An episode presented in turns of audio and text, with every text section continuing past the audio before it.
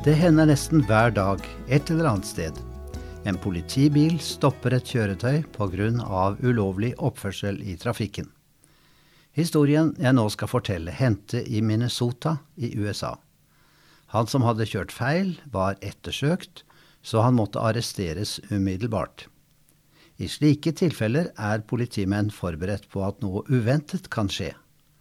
Den arresterte kan bli voldelig, blir svært lite villig til å samarbeide eller prøve å rømme.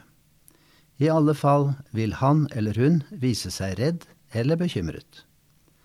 Men i dette tilfellet hendte ikke noe av dette. Mannen bare smilte.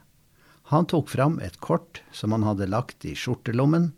Det hørte til i familiespillet Monopol, og på kortet Grip sjansen sto det Arrestanten løslates Rykk fram til start. Politimannen spurte forbløffet om en forklaring, og mannen sa, Jeg har hatt dette kortet på meg helt siden jeg fikk vite at jeg er ettersøkt, bare i tilfelle jeg skulle bli arrestert.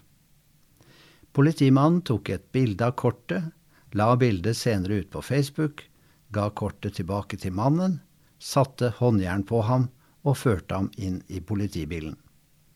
Det må bare sies at mannen hadde satt sitt håp til noe som ikke var gyldig i det virkelige livet.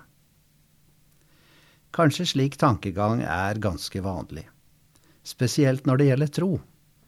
Enkelte mener de kommer til å takle alle problemer som vil dukke opp. Noen stoler på sine egne tanker om livet, døden og evigheten. Enkelte regner med at de er så gode til å forhandle at de alltid skal komme greit ut av det når de møter Gud i den neste tilværelsen. Det er faktisk bare én måte å komme ut av det fengselet som den evige fortapelsen er.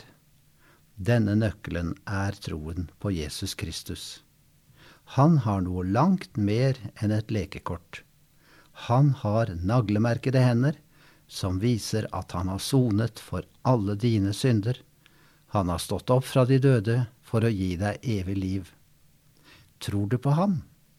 Jesus sier, Jeg er veien, sannheten og livet. Ingen kommer til Far uten ved meg. Ikke sett din lit til et sjansekort, men tro på ham som millioner gjennom historien har satset på, Jesus Kristus.